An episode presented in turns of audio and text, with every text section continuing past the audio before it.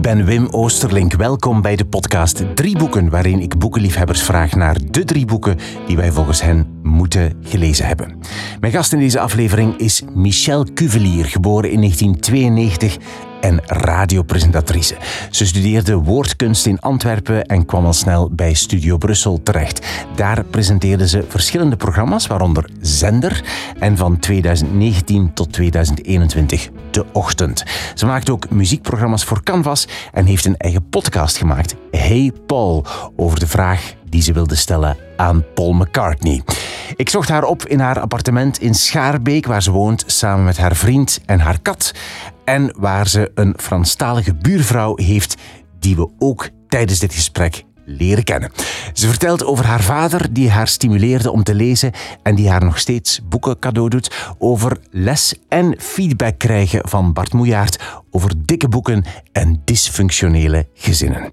Ehm, en ze laat horen dat ze niet alleen geweldig schoon Nederlands kan spreken, maar ook prachtig Frans, British English en Spaans, waar ik allemaal stikjaloers op ben. Enfin, alle boeken en auteurs die je hoort in deze aflevering vind je in een lijstje op de website wimoosterlink.be onder het kopje podcast drie boeken. Dat zijn de show notes bij deze aflevering. Je vindt daar ook alle andere afleveringen van deze podcast terug. En dan nu veel luisterplezier met de drie boeken die je moet gelezen hebben volgens Michel Cuvelier. Ik noem haar Poes, maar mijn lief uh, heeft een naam gegeven. En hij heeft haar vernoemd naar iets dat zeer uh, nauw aan het hart ligt bij hem. Uh, en haar officiële naam is Makita. Makita? Ja. Naar de boormachines. Het de merk... Boor... ja, Serieus? Deze merk, uh, boormachines, Makita, hij heeft daar alles van. Heel onze kelder ligt vol Makita. Dus ik heb besloten om de kat te houden toen dat ze hier kwam aanwaaien. en hij, ik zei dan, dan mocht jij de naam kiezen. En dan, ja, From the Heart uh, Makita. Is echt genoemd naar boormachine? Absoluut. Dat, nu heb ik plots medelijden met... ja. En zit ze nu boven daar? Of, ja, uh, ja, ja. Alright, goed. Uh, waar sta, staan er boeken in? Ah, hier staan de boeken. Er staan er een paar. Dus ik uh, ben zo vrijpostig geweest om eigenlijk al heel veel foto's te maken, omdat ik weet dat je op Twitter daar een, een dingetje van hebt, hè? Een, een, een running dacht, gag. Jij komt niet boven waar mijn rol staat ik ga zelf Heel mijn huis nemen. ligt overhoop. Dus ik had een prachtige boekenkast beneden, maar onze vloer is net geschuurd. Dus we hebben heel dat verdiep moeten leeghalen. Dus ik heb foto's van hoe dat mijn boekenkast er daaruit zag. Maar los daarvan liggen er een beetje overal verspreid. Ik vind dat heel tof dat mijn boeken overal zijn. Daar, aangezien we nu in onze living zitten, uh, liggen wel mijn, mijn favo's. Uw favo's liggen ja, naast de, mij hier, ja. op het rekje. Zeker het onderste uh, de onderste rayon, zal ik zeggen. Uh, ja. Tonkat Peter Verelst, Knielen op een bed violen. Um, een rant ben ik uh, een paar jaar geleden voor gevallen. Dat zijn mijn, mijn lievelingen. Die heb ik graag dicht bij mij als ik s'avonds in de zetel zit. Ja, maar ja... ja. Ja, nee, goed. En ik, daar ligt ook een stapeltje. Ja. En er liggen zo inderdaad zo'n beetje op verschillende plaatsen ja. stapeltjes boeken. Um, en, en de platen, hier staan ook platen boven, ja. van de Beatles natuurlijk. Uiteraard. Uiteraard. Het is niet allemaal van de Beatles, maar toch Nee, wel ik heb ze niet allemaal. Dat is nu gênant om toe te geven. Ik heb, uh, nee, ik heb ze niet allemaal. En bovenaan liggen, zijn er andere soorten boeken daar? Dat zijn de die nog, die nog gelezen moeten worden. dat is de wishlist. Uh, plus die, die, um, de nieuwe Jonathan uh, Franzen, die moet ik ah, ook ja. nog lezen. Mijn pa heeft die dus in het Engels en in het Nederlands gekocht. Dat is wel heel attent. Um, voor, voor jou als cadeau? Ja. Echt? Nee, enfin, één daarvan was voor mij en de andere voor mijn lief. Maar aangezien mijn lief eigenlijk niet leest, um, waren die eigenlijk voor mij. Dus Ja. ik kan nog kiezen in welke taal dat ik hem van de zomer ga, ga wat ga je lezen. kiezen? Ja, ik, dat vind ik dus wel een hele dubbele. En wat je die van die puristen die zeggen, je moet een boek in de originele taal lezen. Ik weet niet welk kamp dat jij zit. Uh, Ik, heb, ik, eh, ik luister naar de opinies. ah, diplomatisch. Nee, maar ik, ik, uh, ik heb net schrik, want ik respecteer originele talen ja, heel hard. Ik heb ook talen gestudeerd. Ik heb een jaar Romaanse gedaan voor ik bij Stubru begon, dus ik weet als geen ander hoe belangrijk het is um, dat een schrijver zich volledig kan uitdrukken in zijn of haar moedertaal. Uh, maar tegelijkertijd wil ik als lezer niet finesses verliezen, omdat ik de taal niet voldoende beheers. En ook niet echt elke pagina drie woorden moeten gaan opzoeken uh, op die ellendige gsm waar je net niet op wilt zitten terwijl je leest. Dus dan neig ik toch wel naar de vertaling. Of is dat nu echt echt heel slecht dat ik dat Nee, helemaal niet. Ik ben het daar helemaal mee eens. Ah ja, Trouwens, perso- qua persoonlijke mening neem ik altijd de mening over mijn gasten. Ah, heel goed, dus ik zit met een chameleon in mijn zetel. Nee, totaal niet. Nee, ik, ik, vind, ik snap u. Ik, snap, ik vind dat ook. Namelijk, eh, bij mij persoonlijk vertraagt dat het lezen enorm als ik in de oorspronkelijke taal lees. In welke taal Ja, dan ook, zelfs ja. in het Engels. En ehm, ik denk dat het niet opweegt. Ik denk dat het inderdaad het feit dat je in het oorspronkelijke leest en dus de oorspronkelijke stem van de schrijver mhm. hebt, dat dat niet opweegt tegen het feit dat je eigenlijk gewoon sommige stukken gewoon niet helemaal niet Nee, meer voilà. snapt. Of, niet mee, of de nuances niet mee hebt. Exact. Tegelijkertijd ben, vind ik nu wel... Ik ben een hele snelle lezer. Soms te snel. Soms wou ik van mezelf dat ik meer stilstond bij de magistrale kracht van een zin. En als ik dan in een andere taal zou lezen, zou ik misschien ehm, daar meer bij stilstaan. Aandachtiger lezen, ja, ja? misschien wel.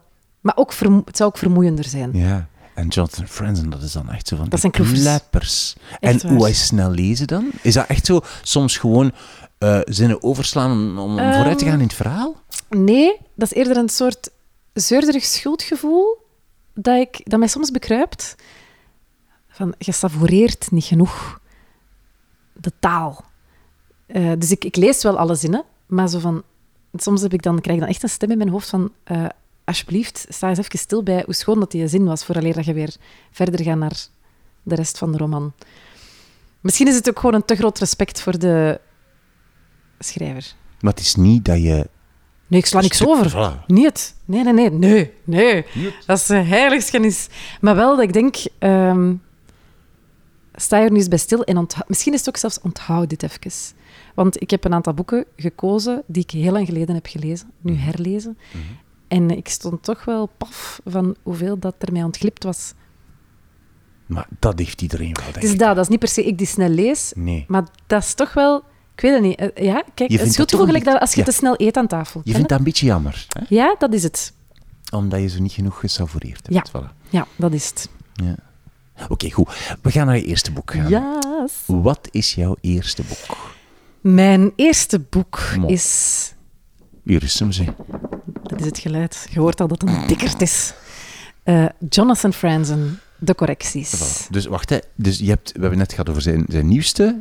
Hoe heet zijn nieuwste ook al? Ben ik de Eh, naam kwijt. wacht, Eh, hoe heet het het? Eh, Kwijt. Alex in Kruispunt? Kruispunt. Ja. Ja. En dit is dan... Wat is het ook? wel? Ik weet De al- Correcties 2001, is dat zeker? Was dat nu zijn eerste Daar zat nog van alles tussen. Wacht, hè. Daar zat ehm, tussen de correcties... Ik denk dat identiteit, zuiverheid, vrijheid zat hier allemaal nog tussen. Oké. Eh. Ik heb die ook allemaal al gelezen. Oké, waarom, waarom heb je de correcties gekozen van Jonathan Friends? Ik heb dit boek gekozen omdat eh, toen ik het las, wacht, ik zat in mijn master woord, eh, dus dat was 2013, najaar 2013, en ik las het en ik wist, dit wordt mijn lievelingsboek. Wow. Dus ik, ja, ja, ja. Dus ik, ik hou me daaraan. Ik vind dat ook, dat was ook de, de no-brainer van de, van de drie eigenlijk. Ja? Ehm, dat boek, eh, ik vond het trouwens heel interessant om het eh, negen jaar later opnieuw te lezen, want ik ben nu 30, dus dat wil zeggen dat ik toen 21 was. Ehm, om om andere, eh, andere elementen te herkennen, maar het resoneerde toen al. Ik werd verliefd op hoe die zijn personages, ehm, ik ging zeggen in de wereld plaatst, maar in het boek plaatst. Dus je stapt eigenlijk in een heel Amerikaans gezin, dat tegelijkertijd een eh, universeel gezin is, Mhm. eh, een dysfunctioneel gezin. Eh, dat is wel een zekere trend in mijn literaire smaak. Ja, ook eh, dikke romans, dat sowieso. Ehm, die iets zeggen over een tijdsgevricht, die iets zeggen over menselijke psyche, die iets zeggen over herkomst, die iets zeggen over menselijk gedrag, hopelijk ook iets over de maatschappij. Wat hem zeker doet, maar dat is voor mij bijna niet het allerbelangrijkste aan dat boek. Eh, de personages, daar viel ik als een blok voor. Eh, omdat ze allemaal stuk voor stuk iets met mij deden. Ook gruwel. Er lopen daar echt verschrikkelijke, rottige kutpersonages in rond. I love it. Ehm, ja, dus het is, en het is waanzinnig goed geschreven. Het is heel, ehm, heel, heel ehm, hoe zal ik het zeggen? Heel lenig geschreven. Het is niet, het is niet wollig. Het is, het is ook Wa- niet... wa- wat is lenig? Lenig als in van... ehm, goh, ik ga zeggen vlot geschreven, maar dat is zo'n cliché om te gebruiken over een boek. Maar het is wel bijna dat. Ehm, het gaat als een trein vooruit. Geen... Ja... Lenig, ik weet het niet. Eh, eh, goh, zo- ik vind het goed woord, alleen ik denk dat, ja, ja vlot, ja. Ik snap, Vlot- snap je ja, bedoelt, ik vrees dat ik niks anders heb dan het is Ja, vlot het is geschreven. goed, geschreven. En het leest zo makkelijk, meneer. Zeg, die personages, eh, Ja. kan je daar iets meer van zeggen? Waarom die jou zo aanspreken? Of wat er precies in, is in een personage Mm. wanneer je zegt van, oh, dit vind ik zo te lezen? Het zijn, het zijn diep tragische figuren, stuk voor stuk, eh, Mhm. die, ehm, die heel volledig worden eh, gezet. Ik ga er één voorbeeld uithalen. Dus je hebt Chip. Eh, dat is een van de drie kinderen van het kerngezin waar het hem uiteindelijk om, eh, om gaat. Dat is eigenlijk een heel tragisch figuur. Die hoopt dat zijn scenario door Hollywood wordt goedgekeurd. Hij wil wel nog een paar correcties aanbrengen. Dat is een van de vele vormen van corrigeren die in dat boek zitten. Enerzijds is het tragicomisch, zoals hij wordt geportretteerd. Er is een bepaalde scène in een supermarkt waarbij dat hij een zalm wou stelen en dan glibbert hij een zalm langs zijn broekspijp. Maar heel grappig. Gewoon echt, humor is echt, vind ik doorgaans, een van de moeilijkste eh, ambachten. Maar dat zit hier wel echt heel hard in. Ehm, eh, dan is hem ook betrokken in een seksschandaal. Dat boek is van Early Nillies, dus het is wel ook op, dat man, ja, op die manier eh, tijdloos gebleken. Ehm, en gewoon die... En dan, ah ja, en dan belandt hij uiteindelijk ook in een of andere obscure internetzwendel met Litouwen. Ja, je kunt het zo zot niet verzinnen, maar net omdat er zoveel vlees aan de personage hangt, omdat hij zo uitgediept wordt, omdat je echt het gevoel hebt, ik snap die, ehm, is dat echt ja, een, een, een mens van vlees en bloed. En ik heb zelfs een zin eh, gefotografeerd in dat boek, Ja. eh, als het gaat over zijn jeugd, want daar gaat je dus ook naar, daar cirkelt je wel naar terug, eh, die ontzettend mooi was en heel veelzeggend ehm, aan tafel, dat hij zijn eten moest opeten en daar vijf uur had gezeten. Swat, ik ga niet uitweiden. Weet je de zin nog mee? Ja, wacht, ik ga Ja, ik heb Pak echt foto's gepakt. Maar zie, dat is dus... Misschien ben ik het aan het leren om eh, dus op die manier meer stil te staan bij de... Hier. En als je maar lang genoeg aan de eettafel zat, als straf, of uit weigerachtigheid, of gewoon uit verveling, hield je nooit op met daar te zitten. Iets in je zat daar je hele leven. En dat is ongelooflijk veelzeggend eh, over hetgeen dat je meezult van vroeger. En ik vond dat ja, heel, Ja. heel, een heel treffende scène en een heel schone zin. eh, die heel veel zegt over dat boek, want al die personages zeulen iets mee van vroeger. En proberen dat op hun eigen manier te corrigeren. En de ene slaagt er al beter in dan de andere. Eh, maar daarom is dat een schitterende menselijke karakterstudie, bijna, heel dat boek. En als je, dat, zegt dat je het las op je Mhm. 21ste Ja. en terug op je 30ste, eh, kan je, weet je nog het verschil? Of kan je zeggen wa- of er een verschil in zat en waar het dan in zat, het verschil? Ja, dat is een hele goede vraag. Ehm, want het was eerder een gevoel en een gewaarwording, maar ik had het nog niet echt proberen te, te analyseren wat precies. Maar ik denk dat het hem zit in, eh, in eh, de dynamieken van, eh, van, van gezinnen en relaties. Op je 21ste heb je wel wat relatietjes gehad, waarmee ik hier nu niemand eh, eh, wil disrespecteren. Ehm, en je komt wel ergens vandaan, maar niet iedereen is al zo diep gaan graven naar het hoe, wat, waarom ben ik uitgedraaid zoals ik ben uitgedraaid. Sommige mensen hoeven dat ook niet te doen, voor alle duidelijkheid. Sommige mensen doen dat op hun 50, maakt niet uit. Eh, maar dat is wel iets wat ik de voorbije jaren heb gedaan. En daardoor, als het gaat over familiepatronen en eh, eh, de hele achterkant van menselijk gedrag en wat dat je meezult van vroeger, dat is iets dat ik nu in dat boek veel meer teruglees, dat ik op mijn 21ste onmogelijk helemaal had kunnen vatten. En misschien over tien jaar ga ik het nog allemaal helemaal anders binnenpakken. Ja. hè. Ehm, Dus als ik het goed begrijp, heb je voor jezelf zo de patronen, patronen zoals die beschreven worden in het boek, Ja. heb je die persoonlijk voor jezelf ook beter leren kennen. Ja. En daardoor lees je andere dingen in het boek, zoiets. Ja, op, op eh, dieper psychologisch niveau, om het zo te zeggen, waarmee ik totaal niet mezelf een soort van psychologische guru wil noemen. Hè. Echt waar, ik ben ook maar een groentje daarin. Maar wel anders. Kijk er anders naar. Kijk anders naar de, de zonen en dochters van de ouders.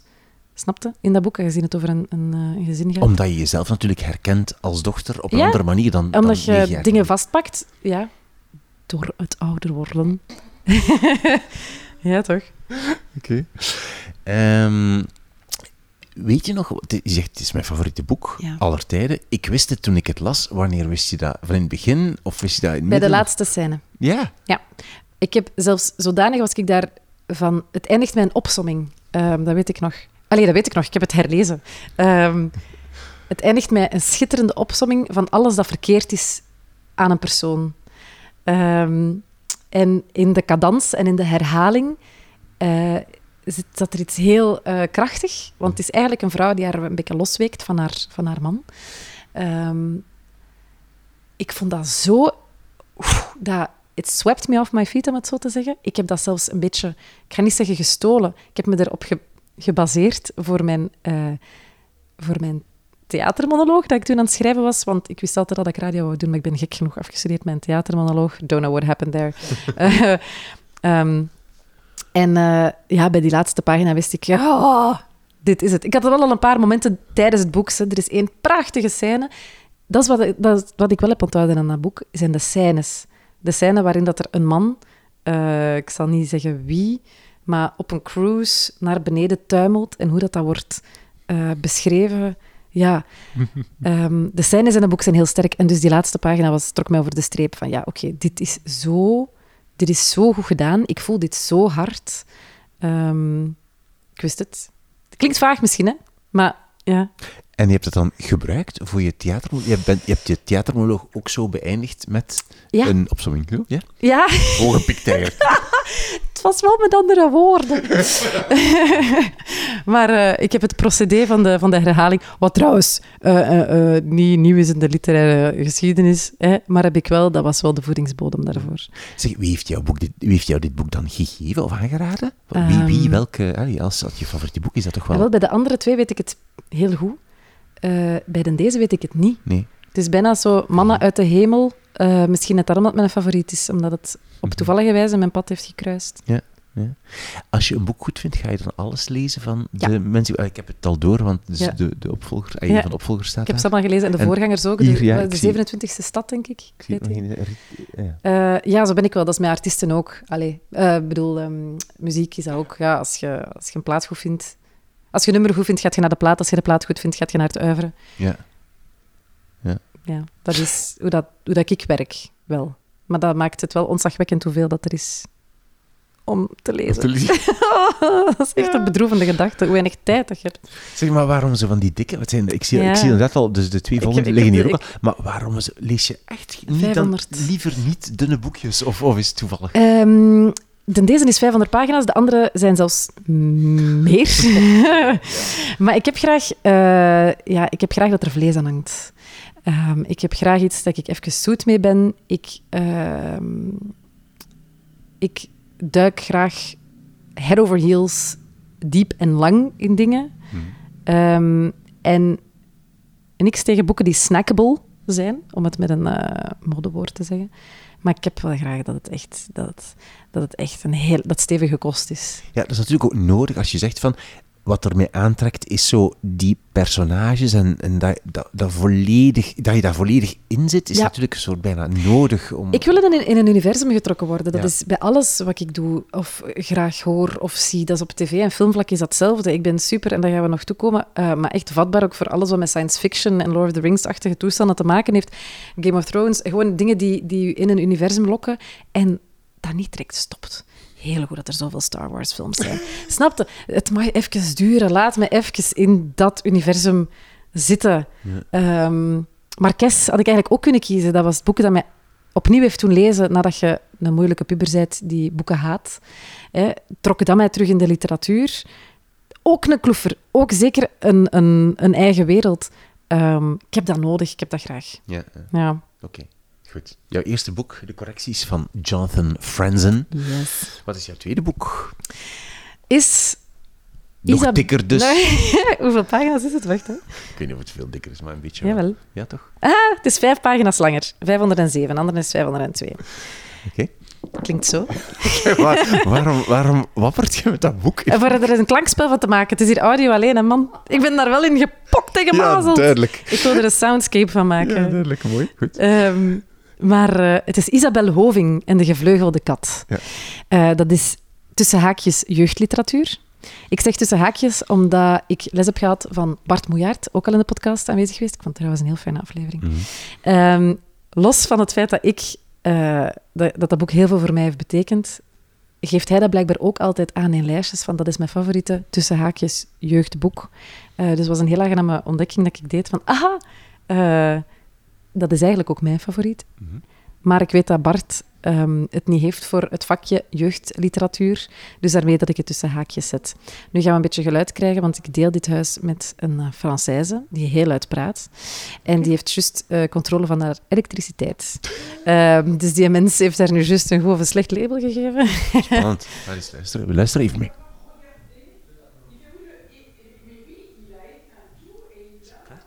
Praat inderdaad luid. Het gaat nog niet over bellen. Of kwaad zijn. Want dat is niet fraai, hè? Het is beneden nu. Ze is beneden, ze laat hem buiten. Hmm, het is echt een hoorspel aan het worden, hè, dit? Goed, waar waren we? Oh, een paard. Dus Bart Moejaert. Ja. Eh, een van zijn favoriete boeken, een van jouw favoriete Ja. boeken, Isabel Hoving, De Gevleugelde Kat. Wat is dat voor iets? Eh, dat is een boek dat ik van mijn eh, papa heb gekregen. Ehm, altijd als ik praat over boeken, ehm, dan vermeld ik altijd mijn papa. Omdat hij daar heel veel waarde aan heeft gehecht. Nog altijd hecht. Kijk, ja, ik krijg nog altijd boeken van mijn vader. Eh, wat overigens een van de schoonste cadeaus is om te geven aan mensen. Ehm, eh, omdat hij daar wel... die was er wel heel veel mee bezig dat zijn dochters de juiste eh, bagage kregen. Gescheiden ouders ook. Dus ik denk dat boeken geven een manier is om toch nog een goede indruk in iemands leven na te laten, ook al zit je die maar twee keer per maand. Ah ja. Denk Is dat, ik. denk je dat? Ja, oké. ja, ja, ja. Ik denk dat. Ja, Ik ben dat invullen. Maar eh, ik heb dat gelezen dus toen ik 16, 17 was. Ik heb het nu dus op mijn dertigste herlezen. Het, van de drie boeken was dit het leukste om te herlezen. Eh, niks tegen de andere twee, ik zie ze graag. Maar dit is toch wel iets heel bijzonders. Het is dus een verhaal van een, ik denk, elfjarig eh, jongetje, Joshua, Jasje. En die, het begint in, in de wereld zoals we die kennen. De telefoon rinkelt. Maar alleen hij kan die horen. Dus dat was al, oeh, what's going on? Wat is dit? Heel fijn. Blijkt dat het een internationale eh, handelsorganisatie is die hem heeft uitverkoren, die hem s'nachts opbelt in zijn huis op eh, kinderfrequentie, niet volwassenenfrequentie. Heerlijk, hè? Kinderfrequentie. I love it, hè? Ehm, en dan belandt hij in een onderneming die gespecialiseerd is in eh, verkopen in de tijd. Een soort van tijdreizen. En zo maken die sprongen in de tijd, te beginnen van 1600 terug naar ergens 1200. Ehm, ja, het is, het, is, het is prachtig gedaan. Ik vond het heerlijk om weer op trip te gaan en het opnieuw te lezen. Eh, als ik het heb over een soort van voorkeur voor science fiction en andere werelden, dan is dit er heel duidelijk een. Eh, een, een, een heel maf universum, met echt een hele schone boodschap die mij als puber uiteraard ontging, maar die ik nu wel als dertigjarige kan zien. Het gaat hem over eh, de individualiteit van, van, van kinderen, want er is dus een gezelschap kinderen dat tijdsprongen maakt. En in de tussentijd ontdekken ze hun, hun oertalent, eh, dat ook nog eens een ontzettende troef blijkt te zijn in die tijdreizen die ze maken. Eh, het gaat hem over... Er is op een bepaald is er een wasvrouw die ze tegenkomen, die ze nodig hebben, want ze, hebben wel degelijk een doel in die tijdreis die ze maken, eh, die eh, er een vuil sopje van wil maken. Een wasvrouw die wil dat het vuil is in plaats van proper. Die Mhm. geïnteresseerd is in van vanuit welke tijd komen jullie Eh, en hoe, is de, hoe leven jullie samen? Ah, mensen van allemaal kleuren eh, en allerlei pluimage. Heerlijk, heerlijk. Dat is hoe het moet zijn. Niet proper en wit en alles afgelijnd, maar een vuil sopje. Ehm, dus om maar te zeggen, de, de, de, de onderliggende boodschappen die erin zitten zijn, zijn heel schoon en waardevol. En het is heel mooi geschreven. Als dertigjarige ging dat perfect. Eh, en ik heb dat zelfs meerdere keren gelezen als kind trouwens. Enfin, puber, ik was al iets ouder. Mhm. Omdat het gewoon zo goed is. Ja. Het is zo goed. Amai. Ja. Ik, heb- ik, heb dat, ik heb nog nooit van Isabel Hoving gehoord. Is dat, is dat weet je, Is dat een Engels of een Nederlands? Ik denk het Nederlandse, want het Ah. is, hij komt uit Amsterdam, het hoofdpersonage. Verder weet ik echt niks over haar. ja. Ik weet niet wat hij nog heeft geschreven. Ja. Ehm, En wanneer heb je dat voor het... Je, je hebt dat van je papa gekregen, ja, zei dus ik gok 16, 17. Ja. Of misschien nog justjes ervoor. Ja. Je zei daar straks dat je, ehm, dat je dus op een moment gestopt bent met lezen, Ja. 14, dan gestopt. Maar daarna dan weer herbegonnen. Ja. Maar vertel eens, eh, je zei, je papa wou je stimuleren om Ja, te ja. lezen ook, denk ik dan? Heb, Klopt, heb ik zo heel hard. En waren er dan boeken in huis als kind? Hoe, hoe, hoe ging dat? Ehm, niet in mijn ouderlijk huis, waar ik dus pak 80% van de tijd zat, maar wel bij mijn vader. Mijn vader is ook echt een boekenfretter. Tot en met. eh, ja, echt. Eh, Maar je zat maar af en toe bij je vader, zo Ja, ik. voilà, voilà. Dus eh, als ik daar dan was, dan associeer ik dat met ongelooflijke ehm, intellectuele stimulatie, om het zo te zeggen. En lees dit, en kijk dat, en heb je die plaat al gehoord. En Neil Young, dat is wel echt heel goed. Maar dat was niet Eh, als kind, dat was niet als nee, nee, nee. zevenjarige, neem ik aan. Nee, nee, nee. Ja, nee toen, toen begon het met de mooiste vis van de zee en dat soort dingen. En Harry Potter, uiteraard, heeft heel veel gedaan. Eh, dan op mijn dertiende besliste ik van lezen is niet cool. Ehm, dus dat heb ik toen ook maar gelaten voor wat het was. Maar dan ben ik heel blij dat mijn papa toch is blijven doorduwen. Onder andere De Gevleugelde Kat. Er zijn nog... eh, die heeft ook zo... ehm, Schaduw van de Wind. Heeft je... Zafon. Ja, Ja, ja. en toen was ik 15. Dus dit moet, dat moet ongeveer dezelfde tijd zijn geweest, de vle- gevleugelde kat. Ehm Safon, ook een ja, goed boek met veel suspense voor de puber.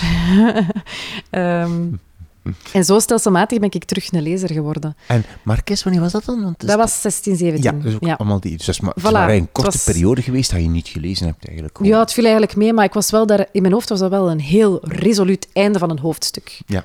Nee. Lezen is stom. En eh, ik heb daardoor zelfs Harry Potter maar tot en met vijf gelezen en zes en zeven niet, waar ik nu wel nog altijd spijt van heb. Nee, ik heb wel de films gezien, maar dat is niet hetzelfde. Hè. Ehm, Ja, ja. oké. En dus eh, daarna, Mhm. na die periode, heb je dan ehm conservatorium in Antwerpen Ja. gedaan, waar je dus les had van Bart Ja. Moejaert. En waar lezen ontzettend belangrijk was. Ik ben heel blij dat ik... Dat was deel van het toegangsexamen, hè? Pijlen naar je literaire rugzak. Waarmee ik niet wil zeggen dat je die opleiding niet kunt doen als je eh, niet leest. Mhm. Maar draagt wel bij. Ja, de opleiding heet woordkunst. Als je de kunst van woorden niet apprecieert, heb je daar relatief weinig te zoeken. Eh, dus ja, En ehm, hoe was het om les te krijgen van Bart Moejaert? eh, ik kijk daar met heel veel warme gevoelens op terug. Hij was wel streng. Hij was wel echt Toen streng. zei ze voorzichtig. Nee, nee, nee, maar ik weet dat nog heel goed, want die heeft op mijn hart gestampt bij mijn eerste opdracht. Maar ik was 18 en ik was heel zweverig. En ik, goh, ik wilde zo, oh, ik wilde zo poëtische, poëtische zinnen op papier zetten. En dan had ik zoiets geschreven in de stijl van Marques. Ah, wacht. Ja, en dan dienden we dat in, want hij wilde gewoon ons leren kennen als schrijvers. En hij schreef als feedback op mijn ingeleverde tekst... Is dit satire? Vraagteken. ik ging kapot. Ik, bedoelde dat zo serieus. Oei, oei. Ja, Ja, ja, ja. Dat moet pijn doen op, als je Dat deed heel veel zeer. Mijn, ja, ja, ik was 18 en ik, en ik wilde wat. Maar doorheen de jaren ehm, ben ik... Ik ben nooit de grote schrijver van de klas geweest. Als je woordkunst doet, dan doet je dat omdat je de media wilt, omdat je een boek wilt schrijven, omdat je theatermaker wilt worden. Eh, of gewoon bezig met taal op een, op een nog andere manier dan de drie opties die ik net maar heb gegeven. Ehm, dus ik ben nooit de beste schrijver van de klas geweest. Maar ik heb wel heel veel geleerd. Mhm. En de moment dat Bart Moejaert in uw derde jaar zegt... Michel, jij hebt het gesnopen, dat deed heel veel deugd. En wat ik ook altijd ga onthouden, is dat je eh je teksten in Georgia, lettertype Georgia, moet indienen. Grote 12, alinea anderhalf. Ach, voilà. Dat is ook Ik doe dat nog tip. altijd.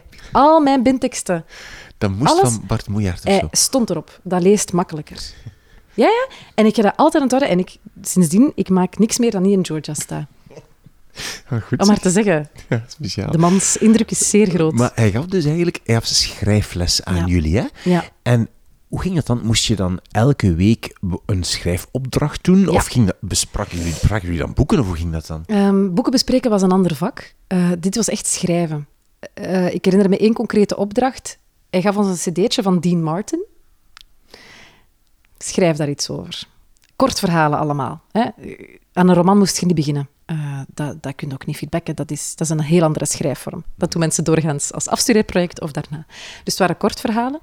Uh, en dan, uh, voilà, zet je iets um, op papier. Ik had iets geschreven vanuit de Creepy Fan, denk ik.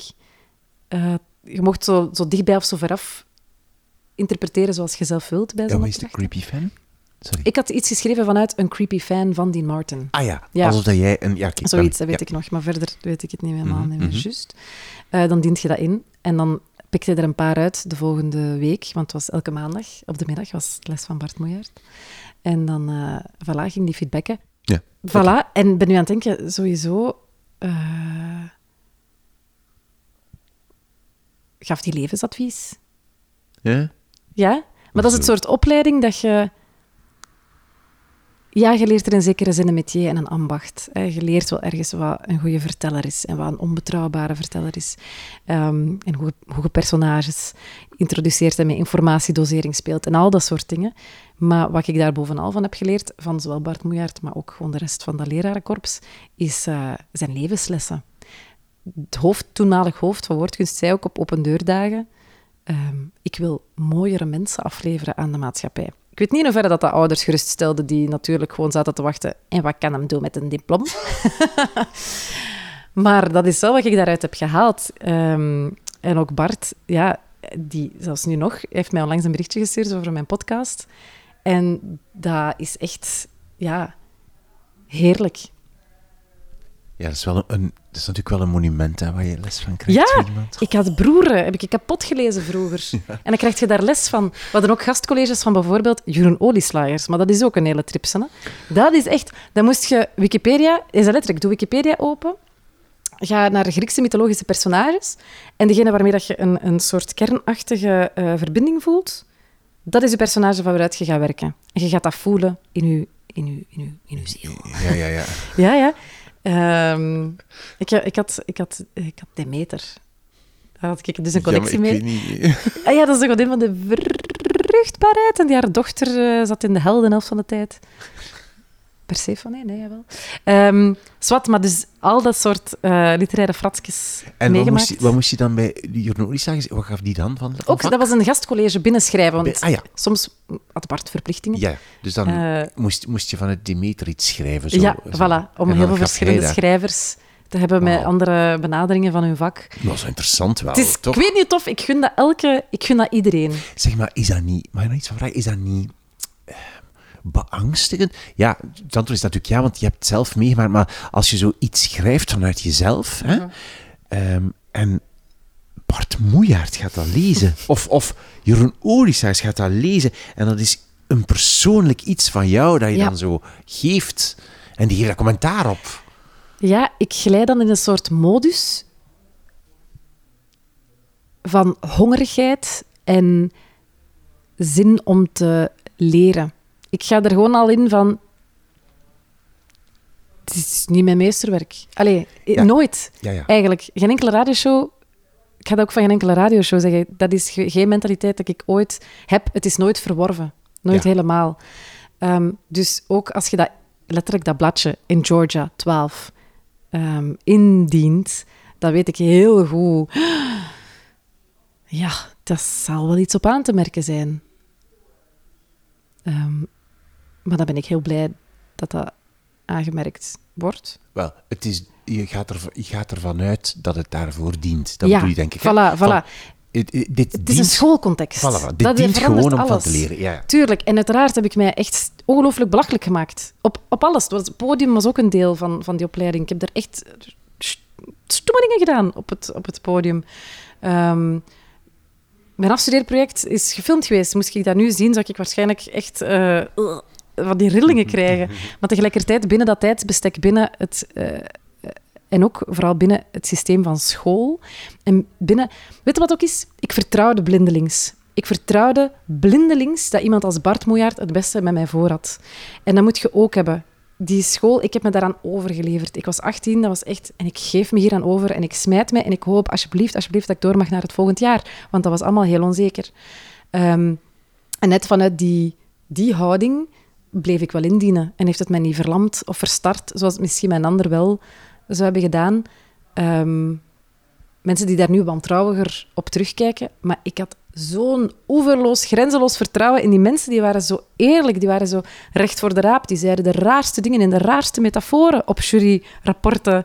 Uh, je bent een schoorsteen waar lucht door moet. En dat soort dingen. Ja, maar alle clichés over theaterscholen zijn voor een stukje waar. Maar dat was zo'n... Uh, het is net omdat je als echt 18-jarige gewoon smijt, dat, dat je blijft durven. Ja, ja.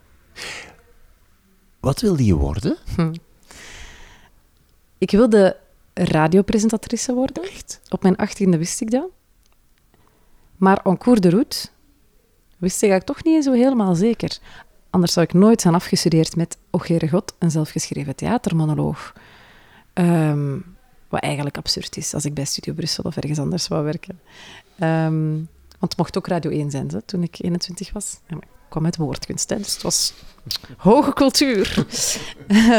um, maar dan heeft dat zich toch altijd blijven uitkristalliseren van het is wel radio. Omdat ik denk ik één, niet genoeg talent heb, oprecht, voor het schrijven en het theaterluik. En twee, dat zou mij veel te veel moeite kosten. Radio is mhm. eigenlijk makkelijk in vergelijking met wat ik daar in die vier jaar heb gepresteerd. En dat is echt waar. Het is werken, hè. het is hard labeur, het is altijd denken aan luisteraars enzovoort enzovoort. En het is ook omgaan met taal, maar je moet je ziel niet omspitten. En dat is iets wat ik niet op dagelijkse basis zou kunnen doen.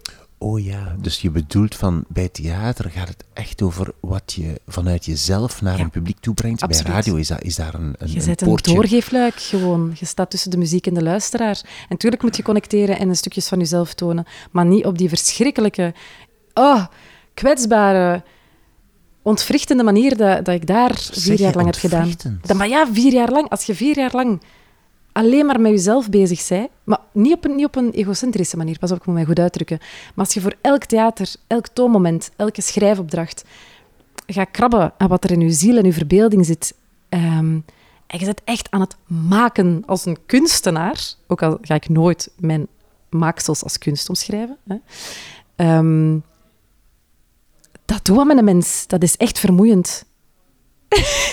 ja, maar dat is een ambt dat andere mensen hoe kunnen, maar ik zou dat niet kunnen. Ik stap liever in het maffe wereldje dat de mediasector heet. En ik ga liever op die manier om met, met, met mijn talent. Ik heb wel iets met taal en ik land graag op mijn poten, uh, verbaal. Omdat je dat...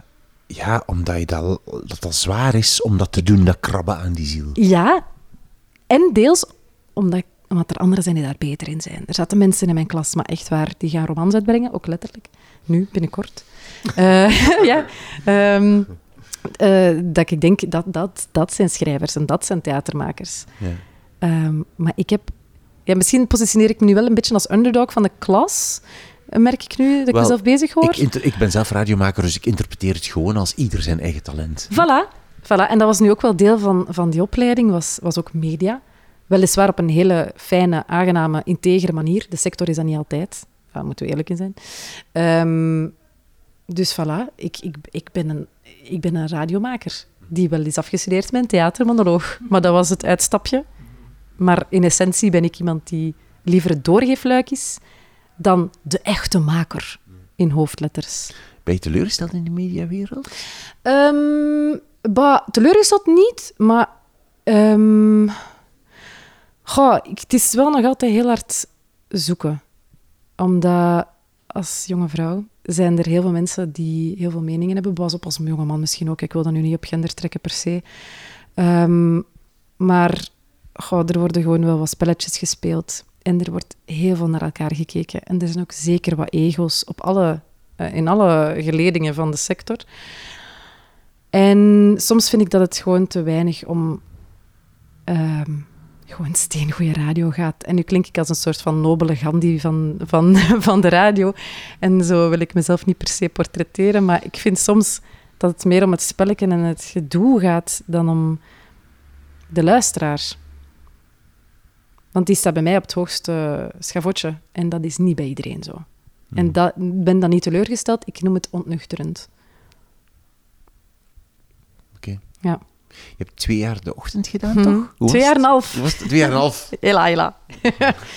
ja. Elke maand telt. ja, maar hey, elke maand dat je je leven weggooit, ga ik niet vergeten. Was het, was het zwaar om dat te doen voor jou? Dat was heel zwaar, maar niet per se het fysieke. Ik denk oprecht dat ik... eh, om, ik zou om vier uur uit mijn bed kunnen rollen als ik er heilig in geloof. Als ik, dan kan ik dat jaren aan een stuk. Maar dat geloof was wankel. Zeker de laatste seizoenen wist ik echt niet meer waarom ik dat deed. En hoe komt dat? Dat komt omdat door sowieso een veelvoud aan redenen. Er was heel veel achter de schermen. Eh, heel veel eh, wissels. Dat is sowieso al niet bevorderlijk in zo'n blok. Ehm, ik heb geen enkele maand de laatste seizoen met hetzelfde team gewerkt. Dat is niet bevorderlijk voor ja, iets als een ochtendshow. Ehm, daarnaast begon ik gewoon heel veel te twijfelen van, maar klopt dit blok wel met wie ik ben? Kan ik hier voldoende mijn ei in kwijt? En dan ben ik gaan terugplooien naar mijn essentie. En dan, dan kwam ik uiteraard ook bij woordkunst en bij boeken en bij muziek eigenlijk uit. Dat is hetgeen dat mij zuurstof geeft, dat is hetgeen dat mij voedt, dat is hetgeen dat ik al heel mijn leven opzoek.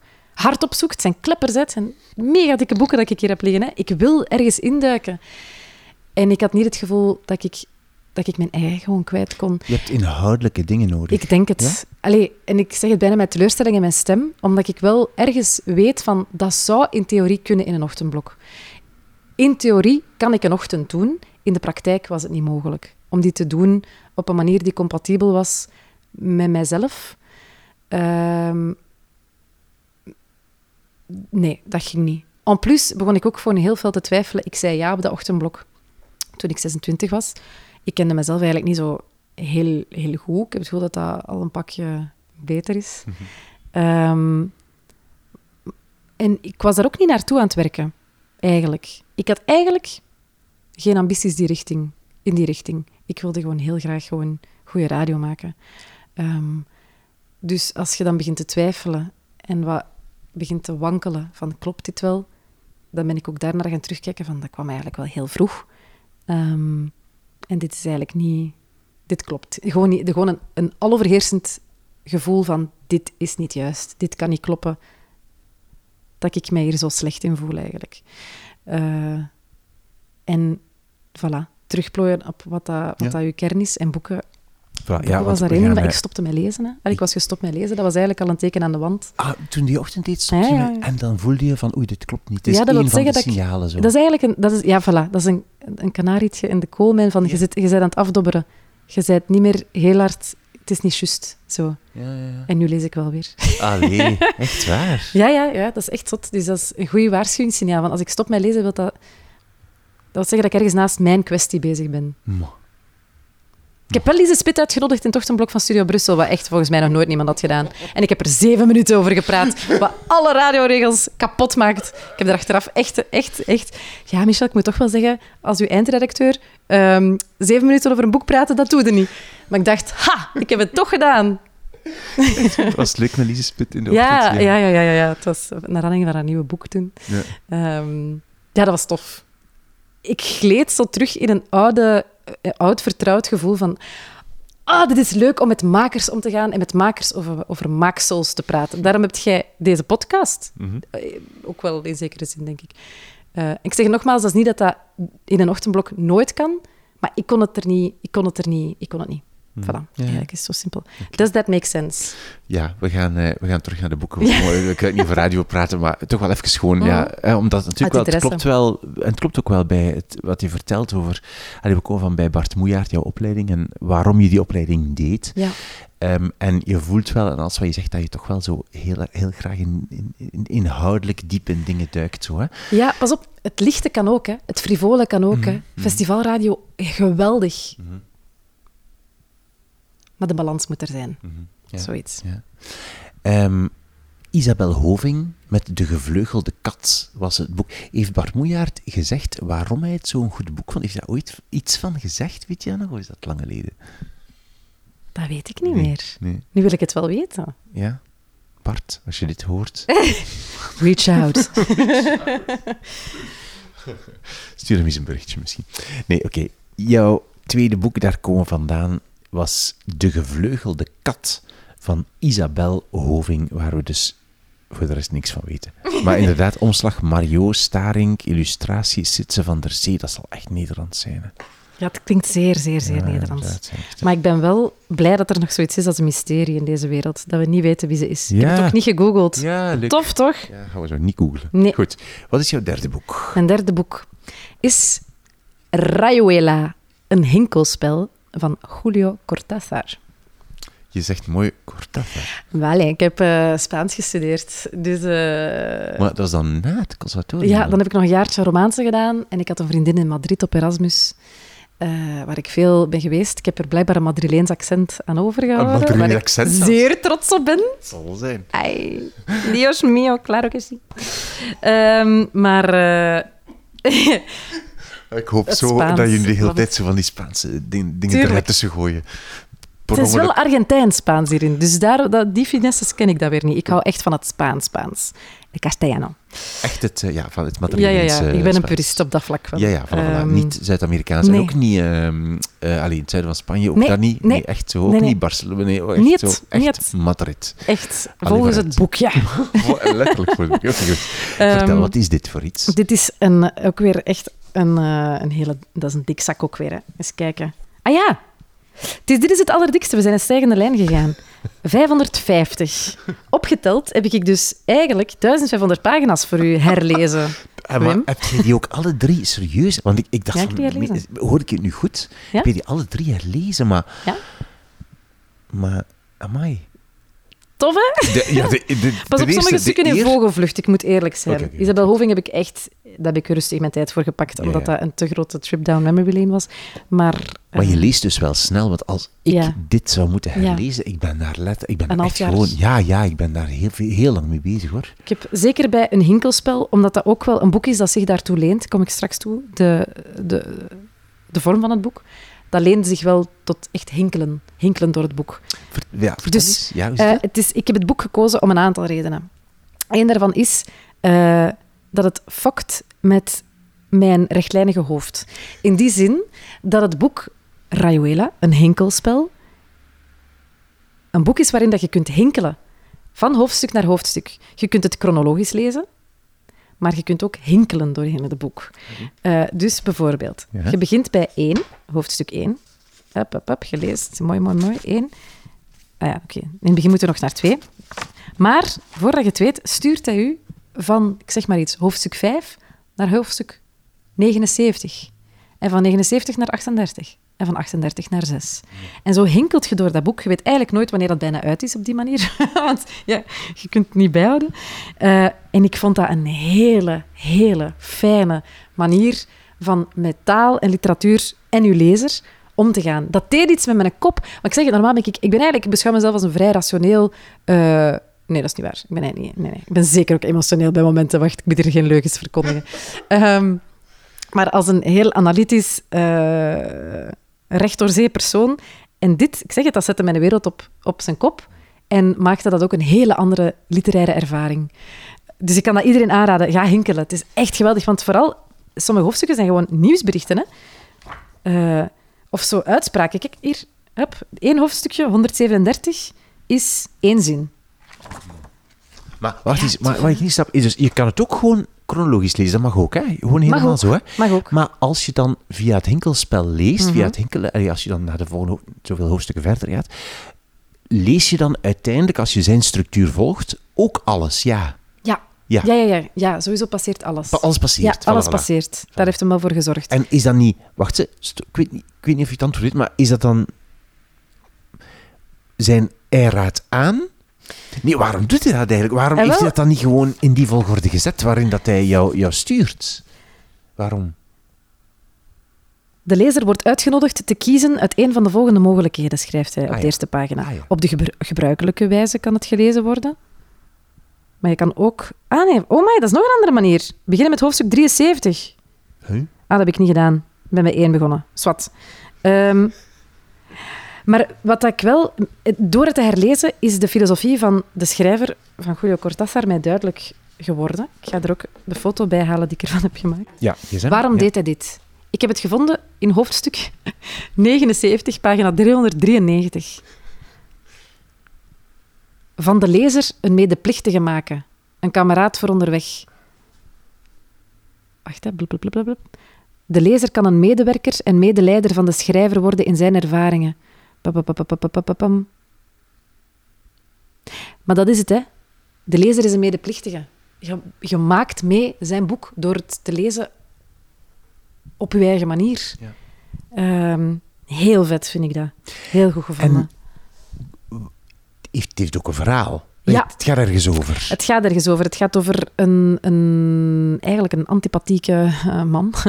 Ehm, Horacio Oliveira. Oh, dat is schoon Spaans. maar met je Frans en je Spaans echt. Ehm, en eh, die, eh, dat is eigenlijk een soort van nomade. Die hinkelt letterlijk tussen werelddelen en landen. Het eerste stuk... Het is op eigenlijk er, grofweg in drie grote stukken opgebouwd. Van de ene kant, van de andere kant en hoofdstukken die eventueel mag overslaan. Dat is echt, dat is echt de titel. Alleen echt de, de, de naam van... van ja, geweldig, hè? Echt eh, tof. Ik vind het leuk om zoveel macht te hebben als lezer. Ehm, maar dus in de ene kant zit je in Parijs, in de jaren 50 gok ik, want het is begin jaren 60 uitgekomen. Echt een heel kunstzinnig, intellectueel gezelschap. Heel veel name-dropping van jazzartiesten en schrijvers. Het is echt een beetje erover. Ehm, de andere kant is dan in eh, Argentinië, waar hij vandaan komt. En in het laatste stuk, dus hè, hoofdstukken die eventueel mag overslaan, komen de ontbrekende stukjes, puzzelstukjes van de andere hoofdstukken dan weer aan bod. Ehm, waar een aantal vraagtekens mee beantwoord worden. Eh, en dat is ruwweg de structuur waar je Maar, langs ja, hinkelt. ehm, zeg maar, ehm, je, je, je vertelt een beetje als een vormexperiment. Hmm. Maar ik neem aan dat het boek jou ook iets gedaan heeft, los van dat dat zo speciaal is dat je kunt hinkelen. Hè? Ja. Inhoudelijk dan. Dat je daar ook door geraakt. Zeker. Ja. Want het is wel degelijk, het heeft wel degelijk een, een narratief. Die man, je volgt eigenlijk die man van gezondheid naar waanzin. Het eindigt ook met dat hij in een psychiatrische instelling zit. Oei, sorry, ik heb gespoild. Stuur. maar eh, ja, hij hinkelt dus echt ook tussen, tussen waanzin en, en gezondheid. Ook hij hinkelt tussen vrouwen, vrouwen die elkaar overlappen. Er zijn drie hele belangrijke vrouwen, ook in het boek. Ehm, en je volgt zijn leven in, in grote lijnen. En dat is, ik, vind het echt een antipathieke man. hij is echt heel onrespectvol tegenover die vrouwen. Ehm, hij komt ook in een soort driehoeksrelatieachtig iets terecht in Argentinië. Met een heel, heel, heel mooi beeld ook weer. Van een, van een straat in Argentinië. Een plank daar, daartussen, daarboven eigenlijk. Tussen twee huizen. Het zijne. En het koppel. Het andere koppel. En die vrouw steekt op die plank de straat over in 45 graden, volle Argentijnse zon, eh, verliest haar hoed die naar beneden dwarrelt enzovoort enzovoort. Eh, heel, het is ook gewoon heel beeldend. Ook weer dat. En dat heeft het gelijk, ehm, dat heeft het gemeenschappelijk met, met de correcties. Ik hou van heel mooi, uitgewerkte, lenige, beeldende taal. Lenige, weer al lenig. Oh, ja, het is ook lenig. Maar deze is verschroeiend lenig of zo. Nee, maar heel vol. Het is wel heel oef. Het is wel een aanslag op je, op je brein. In de zin van, zeker die stukken in Parijs, met zijn intellectuele gesprekken, met zijn intellectuele vrienden, dat is wel echt, oh my god. Ik heb eh, gisteren ontdekt dat Julio Cortázar, Mhm. weet je waar hij geboren is? Is Brussel? Ja, in Ja. Elsene. Juist. Ik wist dat er iets was met België. Ja, ik, had dat, dat- Ja. ik wist dat helemaal niet. Cool, hè? Ja, heel cool, ja. We zitten in Schaarbeek, dus ik heb ook opgezocht hoe ver het van hier is. Maar het is toch wel een eentje van hier. Het is niet Ah, zo van... Ik had gehoopt dat het misschien... Maar zijn huis, je hebt zijn huisnummer gevonden. Of het is een ziekenhuis. Of... Dat weet ik niet, maar er staat een, een, een, een, een borstbeeld van hem, denk ik. Maar ik ga daar binnenkort naartoe gaan kijken. Eh, ja, Ik wist dat niet. ik wist dat ook niet, dat dat er zelfs was. Ja, blijkbaar. Tof. Ja, Ik ga dat zeker aan mijn vriendinnetjes zeggen. Mijn twee vriendinnetjes wonen ook in de buurt en die werken alle twee in de, voor, de, voor de Brusselse bibliotheken. Ja, Er zal misschien wel al een soort van tour. Maar dat, is- dat kan toch niet? Dat, dat kan, iedereen Eh, weet dat, denk ik, behalve wij hoor. Want Shit, ja, ik waarschijnlijk. heb het opgeschreven. Ik ga nu zeggen welke straat het is, want ik heb het dus opgezocht. Pas op, Elsen, ik denk ik niet neig. Het is de. Nee, ik ook niet. Maar het is de. Het is de. Hmm, wacht hè. Doen. Wat is dat dan? Hier. De Louis Le Poutrelaan in Elsene. Je hebt er ook een filigraan en een pijlmijl, dus twee boekenwinkels vlakbij. Geweldig. Goed dat zeg, daar moeten we echt naartoe. Ai, we Ik, had, ik was echt stiekem aan het hopen dat dat nu ook een, een, een naam was die in dat boek had gezeten. Dat kon ik zeggen, oh, de poetere is vereeuwigd in een hinkelspel, maar het is nee, niet dus waar. helaas niet. ja, dat is zo mooi geweest, maar helaas niet. Tju. Ehm, ik wil even nog de link maken met jouw eigen podcast. Hmm. Hey eh, Paul. Of Link maar. Paul. Vertel eens over die, want je hebt een geweldige podcast gemaakt over de Beatles, Paul McCartney. Mhm. Ehm, vertel er eens iets over Ja. voor de mensen. Natuurlijk, hij was, is heel populair, dus heel veel mensen hebben hem al gehoord, maar wie weet zijn er mensen die hem nog niet gehoord hebben. Eh, Ik ga er altijd vanuit dat er mensen zijn die het niet eh, gehoord hebben. Niks is ooit eh, verworven. Maar eh, het is een podcast waarin ik op kweesten ga om een levensbelangrijke existentiële vraag bij Paul McCartney te krijgen, wat moeilijker is dan je zou denken. Eh, how do you let it be? Uiteraard ook een muzikale vraag, dat nummer heeft veel betekend. Eh, maar langs allerlei velden, wegen, eh tussenstoppen, beland ik ook op thema's en bij mensen waar ik zelf niet van wist dat ik er ging bij belanden. Uiteindelijk gaat het ook over fanschap met Koen Wouters. Als je niet luistert voor mij, luister dan toch zeker voor Koen Wouters. Ehm, het is ook een, je leert heel veel bij over de Beatles sowieso. Er zit heel veel muziek in, maar ook een, een aantal schitterende sprekers over muziek en emotionaliteit en, en mentale gezondheid uiteindelijk ook. Ja. Eh, dus het is echt, dat kwam in de buurt van woordkunst. Dat is echt het meest woordkunstige dat ik Echt. in mijn zeven jaar mediacarrière heb gedaan. Toen voelde ik het echt terug aan mij trekken. En had ik mijn innerlijke Bart Moejaert eh, stem weer in mijn hoofd. Omdat dat ook... Het is, het is een podcast waarin ik heb geschaafd, lijntjes heb verweven, heb geschreven ook wel weer, de binteksten.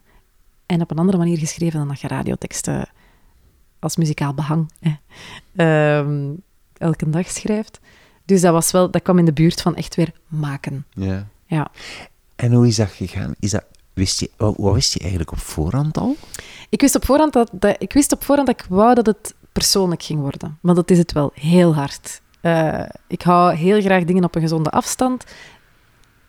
In die ochtend wou ik ook niet... Allee, ik, wou niet, niet alles delen. Dus ik wist op voorhand, ik ga iets persoonlijks maken. Ik ga mijn verhaal vertellen. Want dat is heel hard gelinkt met muziek. Ik wist op voorhand dat ik wel een aantal mensen ging spreken, zoals een Vincent Bilot of een Stijn van de Voorde. Uiteraard, dat zijn logische keuzes als je iets rond Paul McCartney ging maken. Maar dat ik uiteindelijk ging uitwaaien naar mentale gezondheid als thema, dat had ik niet voorspeld. Dat wist ik niet. Ehm, dus ik heb daar ook een beetje moeten gaan flowen met hoe dat, dat proces zich ontvouwde. En dat leidde mij dus wel naar een, een paar heel schone gesprekken. Mooi, tof. Ja. ja, dat is echt heel waardevol. Ik heb daar heel veel aan gehad. Ja. Dat was echt mijn energietank die leeg was na de ochtend. Was ook vrij leeg na die podcast. Want een podcast maken kost keiveel energie. Maar tegelijkertijd dat het zo'n persoonlijk mooi ding is geworden, ik ben er nog altijd heel, heel blij mee, heel trots op. En altijd als iemand me er een berichtje over stuurt, of ik weet niet wat, dan denk ik, ja, heel fijn. Zeker als Bart Moejaert is, dat was zo'n full circle moment. Hij heeft gestuurd, uw podcast heeft me alle hoeken van de kamer laten zien. En dat is ook zoals die sprak in die klas, in woordkunst, over goede kortverhalen van mij of van klasgenoten. Dus dan denk ik, ah, ik ben terug waar ik moest zijn of zo. En dat is bij dan toch het maken. Oké. Wil jij jouw drie boeken nog eens herhalen? Wat was jouw eerste boek? Mijn drie boeken zijn allereerst De Correcties van Jonathan Franzen, Isabel Hoving en de Gevleugelde Kat. En mijn derde boek is Rayuela, een hinkelspel van Julio Cortázar. Zeg je nog een keer iets anders in het Spaans of zo? Ay, tengo que decir que ya he olvidado la mayor parte de mi conocimiento. Bla, bla, bla. Ik ken zo'n paar algunas frases, pero ik ben echt heel veel vergeten al. Oh, zo goed. Ja, maar ik ga veel naar Spanje, dus dan kan ik wel eh algunas tapas bestellen en alguna cerveza, maar voor de rest... eh, Maar je, je durft ook zo... Je durft ook, hè? Je Ja. durft ook zo... Ja, ja, ja. En dan is Mijn stem dat verandert ook. Ik Ja, vind dat heerlijk. Ja, je stem is helemaal... Je Ja. wa- de warmte is weg uit jouw stem. En dan wordt het echt En zo... dan En het Frans is hem nog anders, in het Engels is hem ook anders. Ander gelang Brits of Amerikaans. Kan je Brits zeggen? Ja, ja, ja, ja, ja, Ja. ja, ja, tuurlijk. ah ja, Brits of Amerikaans, ik pas mij aan al naar een gelangde artiest dat er voor u komt Ik zitten. ben zo jaloers op, op mensen die Brits-Engels goed Ja. kunnen. Apparently, I talk like the queen. Dat zijn een aantal bands zeggen dat. Oh, you, you sound so posh. Are you from London? Ja, ja, echt zo. Dat Which ik, side? dat vind ik dus echt jaloers op. Ik vind het heel leuk om te doen. En dan durf ik dat wel, omdat ik dat... eh, ja, ik vind dat gewoon heel leuk ook om te doen. Ja. Dus ik ga, ja, dat vind ik wel heerlijk aan mijn job. Zoiets in Engels. All right. So my mother made me watch the BBC when I was a kid, so that's why I picked up, I think, kind of an accent. But it's really posh. I sound like the Queen. That's what one of the DJs at Tomorrowland once told me. And yeah, zie, dat is nog een andere toon dat mijn stem. Hè? Dat is echt grappig. Dit was mijn gesprek met Michel Cuvelier. De kat is het hele gesprek weggebleven. Wat goed is voor mij, want ik ben allergisch. Maar ik heb er dus zeer weinig last van gehad. Alle auteurs en boeken die we noemen in deze aflevering vind je op de website wimoosterlink.be. Eh, daar staat een kopje podcast, drie boeken. En daaronder vind je eigenlijk, als je op klikt, alle afleveringen van deze podcast terug met foto's en eh, de boeken die genoemd zijn, de drie boeken die gekozen zijn, enzovoort. En een foto van dus de boekenkast van Michel Cuvelier. Volg drie boeken ook op Instagram, drie underscore boeken, drie in letters geschreven. Abonneer je op deze podcast. Geef een recensie in de app waar je nu aan het luisteren bent, als dat kan. Want dat helpt om de podcast verder te verspreiden. En laat vandaag of morgen aan twee vriendinnen of vrienden weten dat ze ook eens naar deze aflevering moeten luisteren. Twee, daar doe je mij een groot plezier mee. Ik ben Wim Oosterlink. Dit is de podcast Drie Boeken. Dankjewel voor het luisteren en tot de volgende keer.